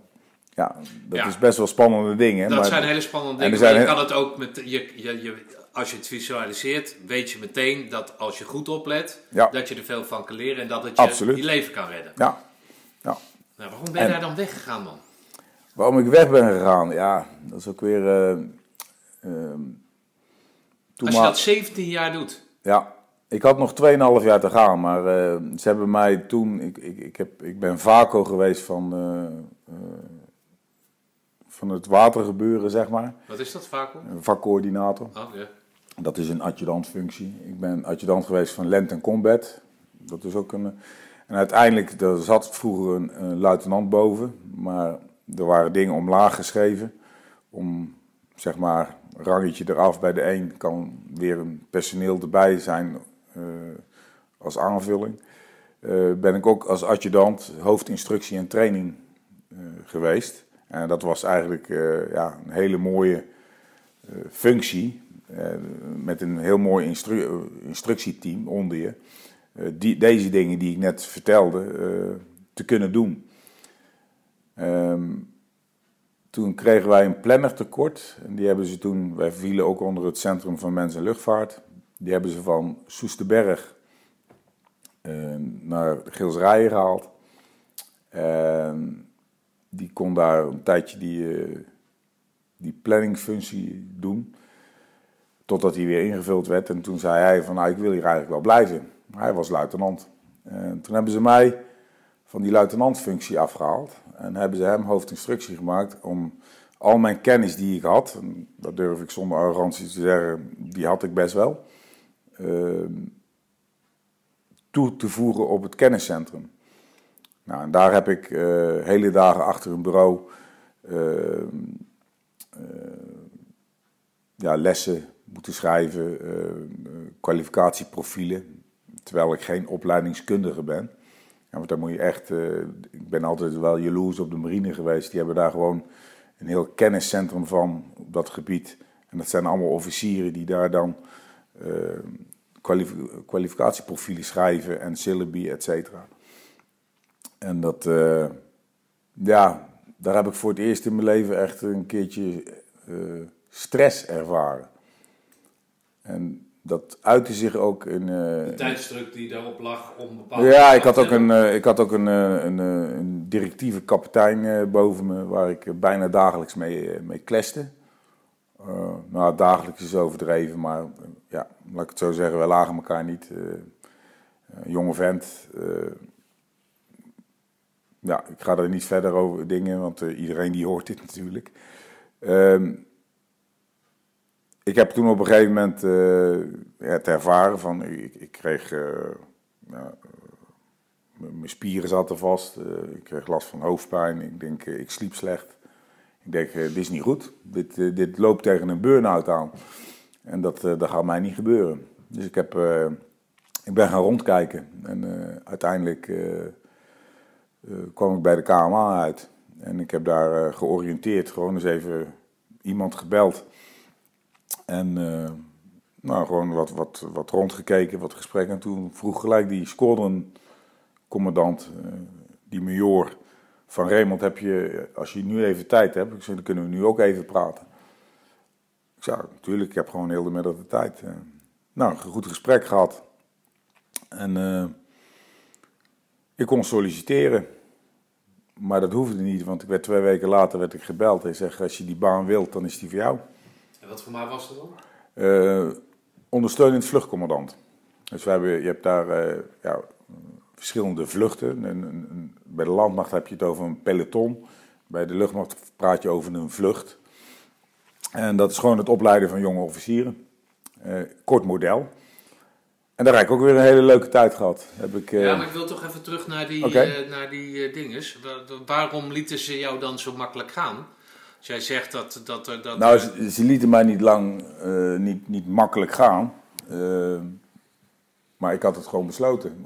ik heb, ja, snap ik, Maar als jij 17 jaar zeg maar, daar werkzaam bent, er zit veel in je hoofd, je hebt, je hebt allerlei dingen geschreven, dan mhm. laten ze toch een hele hoop ervaring laten ze toch, ja. laten ze toch lopen. Ja, ik heb toen ook een gesprek met de commandant gehad van wat, wat ben je met me van plan?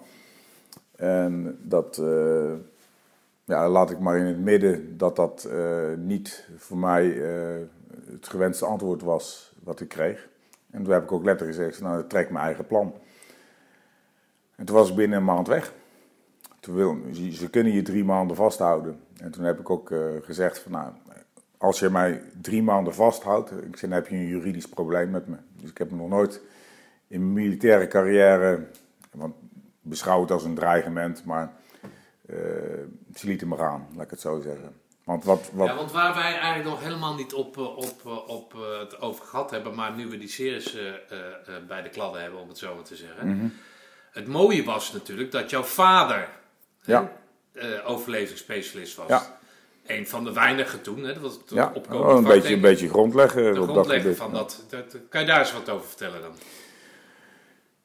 Jazeker. Uh, ik heb op, op dat gebied, en dat, kan ook, dan leg ik eventjes weer die link terug waarom ik ben aangenomen op de, op de survival school toen. Uh, dat ik best wel al voorkennis had op het gebied van survival. En dat had ik natuurlijk van mijn vader meegekregen. Uh, ja, eh, ik was ook al vier, vijf jaar toen ik een vuurtje bouwde op commando jeugdkamp.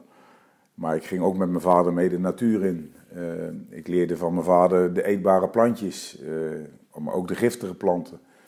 Ehm, ik geloof dat ik zeven jaar was, kwam mijn vader uh, met een konijn thuis die over was van het konijnslachten. En ik stond met mijn snuffert op een konijnslachten te kijken. En ik geloof dat ik een jaar later dat zelf deed, uh, hoe dat hij het ook voordeed. Dus ja, ik ben daar wel een beetje in, eh, in opgegroeid. En het, uh, toen praat hij over triple O, hè, het ontsnappen, ontwijken, overleven. Ehm, ik heb ook uh, ja, in, die, uh, in die NIS die hij had, hè, met, met al die, die demo... Uh, Zo'n Nishut, hè? Was ja, dat? Nishut, bij de ezelsweide ja. erachter. En, dat kan ik me nog goed herinneren, wat hij daar ook allemaal gemaakt had. En, ja, er, er kwamen ook internationale gezelschappen die ook altijd wel even de rondleiding kregen in het overlevingslokaal. En ja, dat was ook van mijn vader uit zijn passie. Ja. En die passie die bracht hij ook wel over op mij. Ik ben ook echt een, zelf ook echt wel een natuurmens. Uh, ik weet ook best wel wat van plantjes, bloemetjes, beestjes, et cetera. Wat je ook kan eten, wat je niet kan eten. Dus die voorsprong had ik wel op, de, op, de, op die survival school, ja. Uh, ik vond het ook heel jammer dat ik uh, door al die mooie uh, trainingen die ik ook... Ik kreeg, die, ik kreeg juist die kans om overal ter wereld mijn expertise te halen. En mijn vader heeft die kans nooit gehad, want daar was geen geld voor in die tijd daar ben je grondlegger voor. Ja. Dat is weer het mooie zijn nou, van, van grondlegger maar het mooie ook is dat mijn, en daar kwam ik later pas achter, dat mijn vader ook aan het VOTC les gaf. Okay. Af en toe. Ook dus aan die luchtvarenden en ook aan instructeurs.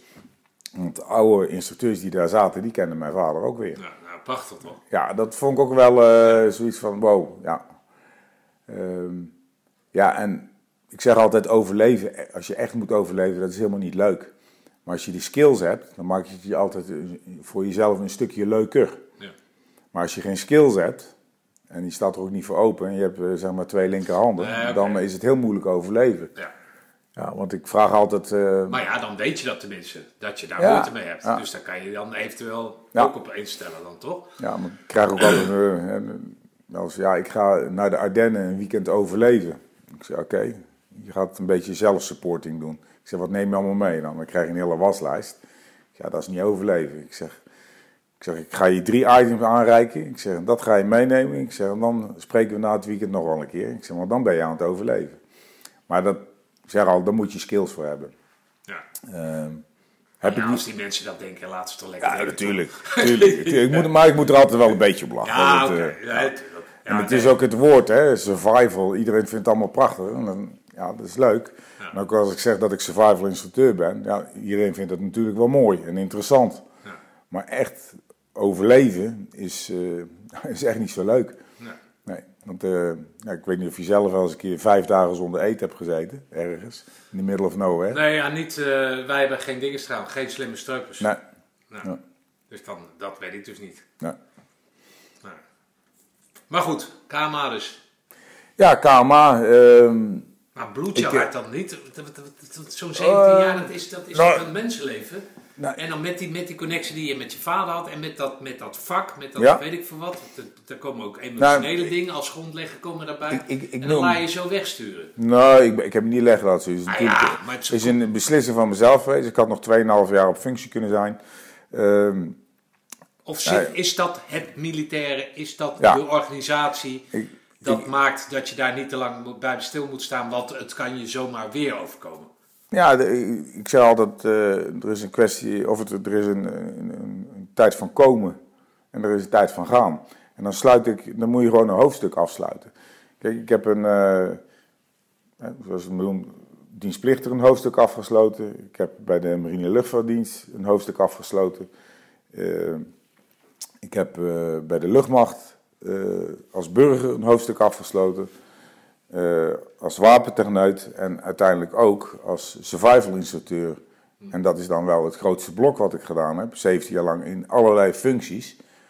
Eh, maar ja, ik zeg al, eh, je wordt ook op een gegeven moment eh, niet jonger. En ik zat wel eh, gemiddeld eh, zes tot acht keer per jaar zat ik in Duitsland. En daar tussendoor ook nog wel eens werden we één keer per jaar getriggerd dat ik naar het buitenland zat voor eh, een training van één of twee weken. Of soms nog langer, Australië vijf weken. Eh, ik was vaak weg. Maar ik moet ook wel zeggen dat, eh, dat mijn thuisfront dat nooit echt, eh, eh, vervelend, echt vervelend heeft gevonden. Eh, want ik ben ook echt niet langdurig uitgezonden geweest, bijvoorbeeld. Eh, dat niet. Ik heb altijd wel in dat instructieleven eh, gebleven. Ja, en dan de KMA, eh, het opleiden van jonge officieren. Ik deed dat niet. Daar had ik ook mijn instructieteam voor. En ik had daar ook een, eh, een kapitein boven me. Met dat team had je dan een, eh, een, zo'n vlucht. En ja, daar komen ze met zoveel man op. En ja, de, links en rechts vallen er wel wat af die echt niet geschikt zijn om door te gaan als officier. Ja, dan draai je ook weer oefeningen op Oorschot, op Ossendrecht, eh, elders in het land. Eh, je hebt GVA-oefeningen, grensverleggende activiteiten. Eh, ja, dan regelde ik ook nog wel eens de vaarschool op, eh, van het KCT of eh, ja, eh, bootjes om, eh, om te varen. Eh, ja, ook allemaal leuke dingen gedaan. Ook, kijk ik ook op een mooie tijd terug. Ja, maar in ieder geval dicht bij huis. Ook dat. Ik was iedere dag thuis. Het was eh, ja, Breda. Hele gezellige stad, eh, Breda natuurlijk. Eh, Ja. Het centrum Goed, van. met de trein bereikbaar, dus wat dat betreft altijd de vlucht. Ja, ik ben nooit met de trein gegaan. Want eh, ja, vanaf hier naar Breda was ik in, op de KMA in 20 minuten. Ja, oké. Dat was makkelijk. Oké. En dan? Ja, ehm, uiteindelijk moet daar ook een doorstroom komen. Eh, ik wilde eigenlijk nog een jaartje bijtekenen. Hè, want je mag maar maximaal vijf jaar op die functie zitten. Maar ze wilden mij niet verlengen. Omdat er ook, uh, ja, hun zeiden ook, er moet er gewoon een, een, doorstroom zijn. Normaal gesproken pak je die functie voor drie jaar. Maar ik heb hem dan vier jaar gedaan. En wat uh, een nadeel is bij Defensie, is dat wij, wij moeten echt solliciteren op een functie. En daar zitten vrijvaldatums aan. Nou, als iemand, ik wil bijvoorbeeld een bepaalde functie hebben, of daar, daar, ga ik me op oriënteren. En daar zit iemand op en die, die heeft een vrijvaldatum, uh, datum X. Maar Vrijval is dat die functie vrijkomt. Is. Maar als die weer verlengt, een jaar, wat die mag, dan heb ik weer geen kans om op die functie te komen. En dat is het, uh, het hele vervelende binnen Defensie. Dus uiteindelijk, uh, want ik had een functie op woensdag willen hebben bij de MVO, dat is de vliegeropleiding zeg maar. Dat was een functievrij, nou, die kregen twee jaar bij. Dus ja, ging weer niet door. Maar die kwam pas vrij in, in dat jaar als ik uh, nog op de KMA zou zijn. Uh, uiteindelijk kwam er een functie op Woensrecht uh, als hoofdtechnicus. in mijn oude functie waar ik ooit ben aangenomen als techneut. en dat doe ik tot, tot op vandaag de dag. Ja. Hoe lang moet je nog? Ik moet nog twee jaar. Ja, uh, afgelopen maart ben ik weer een jaartje ouder geworden, 1 maart. En dan zit ik ook twee jaar voor mijn pensioen. Dan zit je in je ontslagbescherming, zoals ze dat dan noemen. Uh, ja, ik pak ouder, dus oude dienstregeling. Dus ik stap er met mijn 60 uit. En ik had ook Ender kunnen kiezen, dan had ik tot mijn 63ste. Ja, ik, uh, als ik er over twee jaar uitstap, dan heb ik ook ruim 42 dienstjaren. Uh, en dan wil ik eigenlijk gewoon nog die laatste paar jaar voor echt mijn pensioen. Hè? Want ik ga met, uh, met FLO, functioneel leeftijdontslag. Die wil ik nog iets anders gaan doen. En dat is dan op je 63 Dan ga je. Mm, nee, nee. Wanneer ga je met pensioen dan? Uh, officieel met pensioen is, uh, is voor, voor, mij dan nog 65, maar dat gaat straks okay. ook naar 67. Okay. Dus ja, ik moet wel een aantal noem het maar even, de magere jaren overbruggen. Uh, dat vind ik ook niet zo erg, maar ik wil gewoon nog eens eh, wat anders doen. Gewoon echt letterlijk buiten Defensie om. Want ik ben natuurlijk vanaf mijn achttiende ben ik al in dienst. En ik wil gewoon eens kijken in de burgermaatschappij ook. dus ik ga binnenkort ook mijn, mijn LinkedIn ga ik eens aanpassen. En dan ga ik dat rijtje neerzetten. Daar ben ik ook niet zo van, van kijk eens wat ik allemaal gedaan heb. Maar met LinkedIn moet je dat juist wel doen. Dat mensen je ook kunnen zien van wat heb je allemaal gedaan. En wellicht, uh, ja, de dingen die ik dan bij Defensie heb gedaan, zou ik in de burgermaatschappij wel, uh, wel kunnen combineren. En wat dat precies gaat worden, dat weet ik niet. Dat, uh, dat ga ik, ik ga kijken wat er op mijn pad komt. Of dat er mensen interesse hebben. Of ik ga proactief ook daarmee bezig. Is een beetje buiten de deur kijken. Nou, daar heb ik nu nog anderhalf jaar de tijd voor. Uh, ja, uh, ik ga het zien.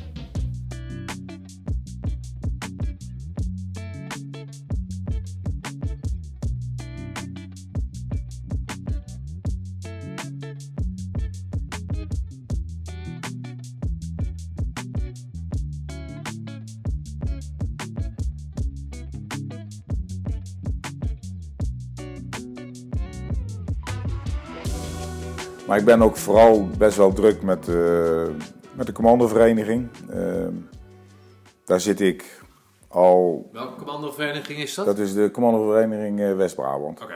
Ja. Ik heb daar. Hoeveel leden? Ja, we zitten nu al rond de 80, 85 leden. We zijn echt ja, vergrijzing. we hebben ruim over de 100 gezeten. Maar vorig jaar was echt een, zwarte bladzijde van de vereniging, want we zijn uh, zes leden verloren in totaal. Uh, ja. Uh, maar ik zit daar al bijna vanaf de oprichting zit ik daarbij. voorheen in de activiteitencommissie. Nou, toen zat ik ook op die, op die survivorschool ook. ik kon heel veel ritselen, regelen, mijn kennis ook op dat gebied. ik heb best wel wat dingen gedaan voor, de, voor die commandovereniging. Ik niet alleen natuurlijk, met, uh, met de rest van de activiteitencommissie. Maar we zijn naar de Ardennen gegaan, uh, het familiebivak noemden we dat. Maar ook allerlei andere dingen nog gedaan. Ik heb ook wel excursies gedaan, georganiseerd. en van Lieverlee ben ik, heb ik ook wat, wat andere functies nog gedaan. En ja, toen moest er op een gegeven moment ook een, een werd ik vicevoorzitter. En die functie die bestond helemaal niet, maar eigenlijk gewoon de plaatsvervanger. En uiteindelijk uh, stopte hij ermee en alle ogen werden, uh, werden, gericht op mij of ik dan toch maar uh, die voorzitter wilde worden. In eerste instantie zei ik toen ook, dat ga ik niet doen. Ik zeg, want ik ben veel te druk. Hè? Ik zat toen op die serenschool. Veel te druk met, met mijn werk. En daarbij, ik zei, er zijn er zat die al met, met pensioen zijn, die kunnen dat veel beter. Ik zeg, want motto voor mij is wel, wat je doet, doe dat goed. En ik denk dat ik het niet, niet goed genoeg kan doen. Uh, er ging een tijdje overheen en eigenlijk uh, werd er toch gevraagd van, ja maar Raymond, we willen toch dat jij voorzitter wordt. Uh, nou, toen heb ik een paar randvoorwaarden wel benoemd. en dat ik ook niet alleen doe. nou, daar heb ik toch ja op gezegd en dat doe ik nou al ik weet niet precies hoor. Ik, ik, ga ze niet tellen, maar best wel een aantal jaren nu. Ehm, en we hebben nu sinds kort een bestuur wat echt van mijn leeftijd is. Uh, rond, rond mijn leeftijd. Ja, jong, fris. Ja, ehm, eh, en, en dat is ja, ook uh, heel triest. Jan van Beek, die is, die is vorig jaar overleden. Ging me echt aan het hart. secretaris was dat van ons. Daarvoor ook de, de, de oud-voorzitter, uh, Cor uh, Hertog, overleden. Het waren allemaal mensen van het, uh, van het bestuur, waar ik nou mee samen heb gewerkt. Ehm, ja, dat terzijde. We hebben nu een jong bestuur waar we echt fris mee door kunnen. Ik heb een hele actieve secretaris die alles oppikt. Ook. nou, sinds kort Rob Vlegels als penningmeester erbij. Peter Vissenberg en Arno Haasten als, als lid. En met dat team zijn we gewoon echt aan het bouwen aan de vereniging. Uh, dat moet ook wel, want ja, wat we net al aangaf, dat stukje vergrijzing, dat is er. En ja, dat familiebivak bijvoorbeeld, dat, dat, gaat, dat doen we niet meer. Omdat die oudjes die gaan echt niet meer mee uh, de caravan in of de tent in. Dus daar moet je ook wat andere dingetjes voor organiseren. Uh, dat alles bij elkaar, uh, ja, zijn we best wel druk uh, mee. We ja, hebben, ik, ik, ik, ervaar het niet, of je moet het niet ervaren als kritiek, maar wat, wat ik nou altijd zo, zo uh, wat me nou zo verbaast, is dat op zo'n reunie, grote reunie, komen ja. 4000 man of zo, 3000? 4000 ja, 4000 waren er geweest, geloof ik. Daar is, daar is dan ook nog een overgroot merendeel wat niet komt. Hè? Dus mm -hmm. laten we die hele commandobevolking, ik schot in de lucht hoor, maar 8000. Mm -hmm. Nou, daar hebben we niet meer hoor. Nee? Denk ik. Nee, volgens mij niet. Nou zeg 6000. Ja. Uh, waarom zijn er dan maar zo weinig mensen lid, niet zo alleen van jullie, maar mm -hmm. het, het, beweegt zich allemaal rond de 100, 100 leden. Waar, ja. waar, waar, ligt dat aan? Goeie vraag. Uh, waar ligt dat aan? Ik denk dat. Uh, ja, niet voor iedereen is om zeg maar, zich aan te sluiten bij een vereniging. Omdat het een verenigingsverband in, verband is. Mensen zien het ook wel soms als bepaalde verplichtingen. Ik zeg, joh, al, al sponsor je ons voor 25 euro per jaar, want dat kost het lidmaatschap, en je komt één keer per jaar op de nieuwjaarsreceptie, is het ook prima.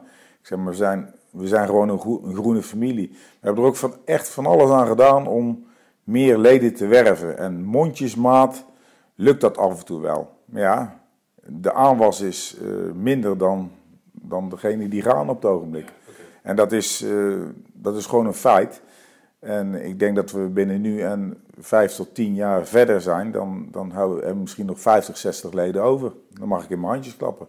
Maar dan een vereniging hebben met 50 leden, die het ook met plezier uh, bij elkaar komen, is ook prima. Dus je moet je daar ook, een, ook een stukje bij neerleggen. Denk jij dat bijvoorbeeld als je dat, al die commandoverenigingen die er dan zijn in Nederland, wat zouden die nou gezamenlijk kunnen doen om meer mensen, zeg maar, te interesseren voor, voor, voor, voor, voor die activiteiten? Ja, nou we hebben toen, uh, dat heeft uh, Sander de Vries nog opgezet, uh, dat, dat noemden we simpel. Ik weet niet meer precies waar het voor stond, maar elke letter stond ergens voor. Om zeg maar via ehm, Google, hoe heet dat nou? Google, Google Drive, geloof ik.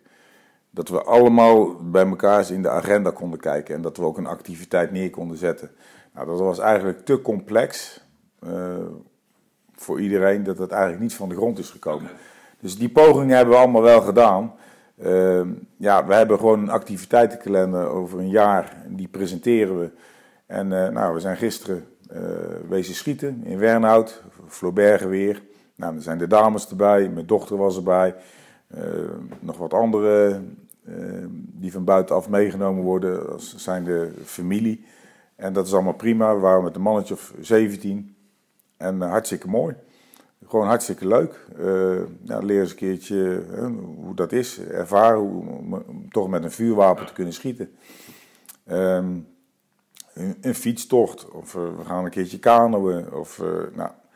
Dus jij wil zeggen, het initiatief was van dat je bij elkaar een kalender kan kijken. Dan kijk jij bijvoorbeeld Zeeland, noem maar wat. Fietstocht, ja. je hebt zin om te fietsen. Hey, kom, we, ja. we laden de fietsen erop en we gaan naar Zeeland toe. En daar ontmoet je dan gelijkgestemden. Ja. Gaat het daarover? Ja, absoluut. Uh, waar het hem ook aan schort uh, is dat we, uh, en dat is een stukje, en ik zie dat ook bij mezelf, iedereen heeft het eigenlijk druk. Maar ervaar, wat is druk? niet iedereen heeft het er meer allemaal voor over om zeg maar zich daarbij aan te sluiten en iedere activiteit mee te willen doen. Um, ja, waar het nog meer aan ligt, uh, daar kunnen wij niet echt, uh, echt de vinger op leggen. Uh, vind ik het jammer? Nee, niet meer. Want ik, ik, ik, ga ook niet trekken aan een dood paard. Ik vind de leden die we hebben en die komen, je moet het wel met plezier doen. Ja. we hebben binnenkort hebben we de. Met die commandostichting, hè, is dat uh, wordt er natuurlijk ook gezegd van. Uh, ik was dan op de laatste beretuitreiking, heb ik je nog gezien. Ja. En daar is dan uh, iemand van de Commandostichting en die deelt dan groene beret uit aan belangstellenden, hè, dat mm -hmm. blad. Ja. Um, maar het is natuurlijk altijd van ja, die, die jonge operators of die jonge jongens, hè, of ze nou actief zijn of niet, die worden geen lid. Nee. En dan vraag ik me altijd af, ja, wat, zijn dan, wat zijn dan de ideeën die er leven om die lui wel binnenboord te houden voor die twee tientjes. Daar kan ik je heel uh, eenvoudig antwoord in geven. Die gaan dat niet doen. En je moet het, uh, je moet het zo zien. Wij zijn van een hele andere soort generatie commando dan de huidige operator. Uh, wij waren allemaal dienstplichtigen en we, hebben een, een, we hadden in pelotonsgewijs een bepaalde verbinding met elkaar. die groene familie, en dat zijn we nog steeds. Dat zijn we ook met die operators die nu op de kazerne zitten. Maar van die operators gaan er ook een, eh, ja, regelmatig uh, die de dienst verlaten. Maar die gaan zich niet aansluiten bij een commandovereniging. En waarom niet? Die hebben hele andere dingen gedaan. Die zijn ook heel anders opgeleid dan dat wij ooit waren. Uh, ja, die hebben in Afghanistan lopen knokken. Nee, die zijn in Mali nee, ik zie dat verschil ja. ook wel. Alleen ik vraag ja. me gewoon af, zou er niet de modus zijn waarin je dan niet zegt van... Ik snap eh, weet dat wij respect voor jou hebben omdat je echt in een oorlog vocht hebt. Mm -hmm. Wij hebben dat niet. Rukkeverzijde was ja. ons, was ons ja. oorlogsterrein. Maar daar wij dus een verbinding hebben, middels die groene bret, kan het mm -hmm. natuurlijk ook zijn dat wij gewoon gezellig houden horen. Het hoeft niet ja. over oorlog te gaan of wat dan ook. Maar dat, die band, de, zou je niet als commandovereniging je moeten aanpassen aan wat de jongere generatie uh, eigenlijk uh, zou willen. Nou, maar daar hebben we over gesproken, ook zelfs met, met operators, van wat zou je dan willen? Zo, ja, uh, die zoeken elkaar op in hele kleine groepjes. Ja, nou, ik snap het ook wel. Ja, maar, ja. nou, ik snap het ook wel. En uh, we moeten het ook niet te krampachtig willen. En het is uh, die als vraag... Als je op een gegeven moment een groter bestuur hebt dan het aantal leden, dan, dan, wordt, het, dan wordt het nijpend, toch? Ja, ja, precies. Nou, we zitten ook te kijken al, hè, of dat er bepaalde verenigingen misschien samen kunnen gaan. Hè. maar ook dat komt nog niet echt van de grond. Hè. We hebben eh, ook uh, de commandovereniging Oost-Brabant. We hebben aan de andere kant hebben we de commandovereniging Zeeland. Uh, ja, we doen al soms dingetjes wel eens samen. Ja. Maar iedereen heeft toch zijn eigen eilandje. En dat vind ik ook prima zo. Ja. En nogmaals, die vraag die jij stelt, die krijg ik echt wel vaker. we moeten daar niet te hard in willen.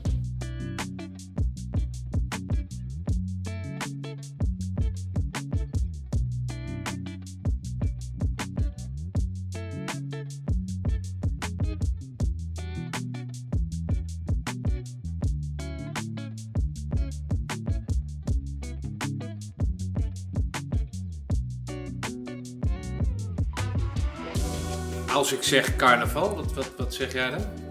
Ja, ik ben, uh, ik ben een echte Tulpentaan, zoals ze dat zeggen. Nou, de stad, Roosendaal, die heet zo. Uh, oh, ja, ja. oké, Roos, ja, oké, ik, ik, kon die link al, nee, goed, nee. ligt er meer aan mij. Ja, dus uh, zo heten wij in Roosendaal. Nou, ik ben geboren en getogen Roosendaler. mijn vader zat hier natuurlijk op de kazerne. en we zijn ook ons hele leven in Roosendaal blijven wonen. Ik dus ook. Uh, toen ik op, uh, op Katwijk zat, uh, op Marinevliegkamp Valkenburg, ben ik nog steeds in Roosendaal blijven wonen. Ja, carnaval, één keer per jaar het, het grote feest voor ons vijf dagen. ja, dat, daar ben ik wel actief mee. Nou, Ja, kan jij mij dan ik, uitleggen aan een Indo slash uh, randstedeling, nou ja, randst ja, ja, randstedeling, wat dat dan is? Ja, um, daar moet je in, een stukje in opgegroeid zijn. Um, het is gewoon een, een, een, een, groot, zoals wij dat noemen, leutig feest. je ziet elkaar, je, je kleedt je apart aan, leuk aan, origineel.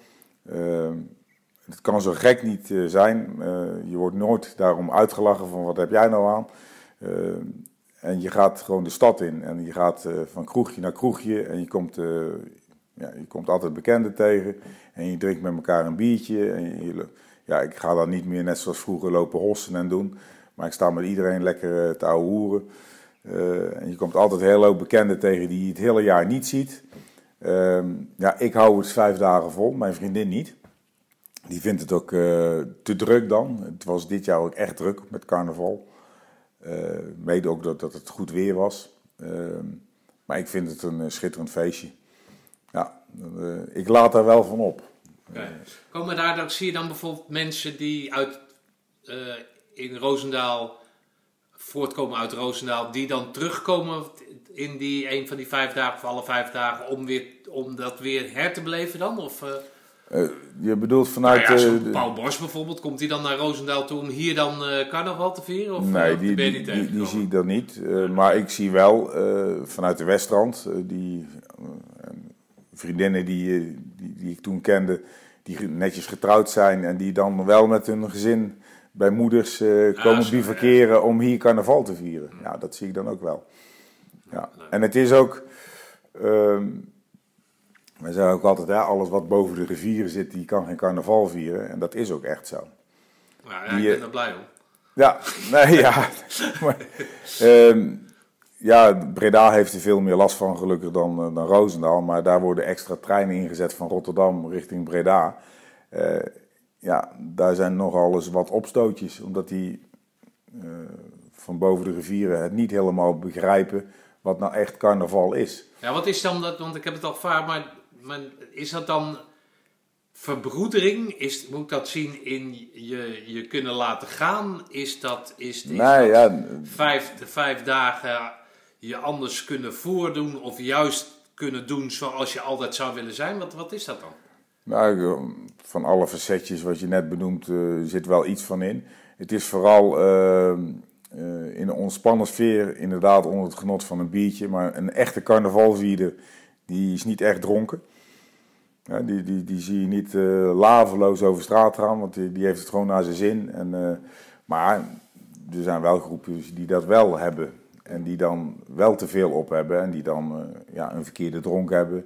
Waardoor dus opstootjes ontstaan. Ja, dat, dat is soms een domper op het hele carnavalsgebeuren. Maar uh, ja, er wordt gewoon de 11e van de 11e wordt er een prins uh, wordt geboren. Uh, en die wordt met carnaval wordt hij weer begraven. En in die tussentijd is Oh, is die... dat echt zo? Ja, ja. Oké, dat is het verhaal erachter. Ja, ja. en Oh, daarna, daarna voor de katholieken, is het, dat ben ik niet, maar het is eigenlijk een katholiek feest, eh, is het eh, ja, 40 dagen vasten, hè? De vaste tijd. Dat ja, is, ja, eh, oké, er zit natuurlijk een heel, hele historie achter. Ja. Nou, mooi man. Ja, en eh, ik zeg al, ik, ik blijf het een leuk feestje vinden. Nou ja, natuurlijk. De- ja. Het vooral blijven doen.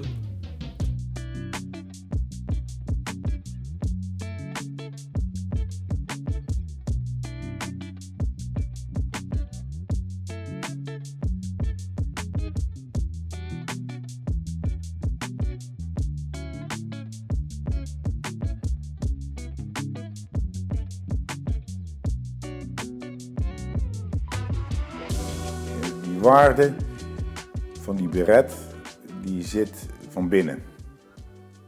En ik heb eens, eh, ik heb verschillende hoofddeksels op gehad. Hè, van matrozenpetje tot blanco beret, tot zwarte beret bij de marine. eh, tot nu die, eh, die blauwe beret bij de luchtmacht. Maar die groene beret, die hoef ik niet op mijn hoofd te hebben, die zit van binnen. En de groene beret heeft voor mij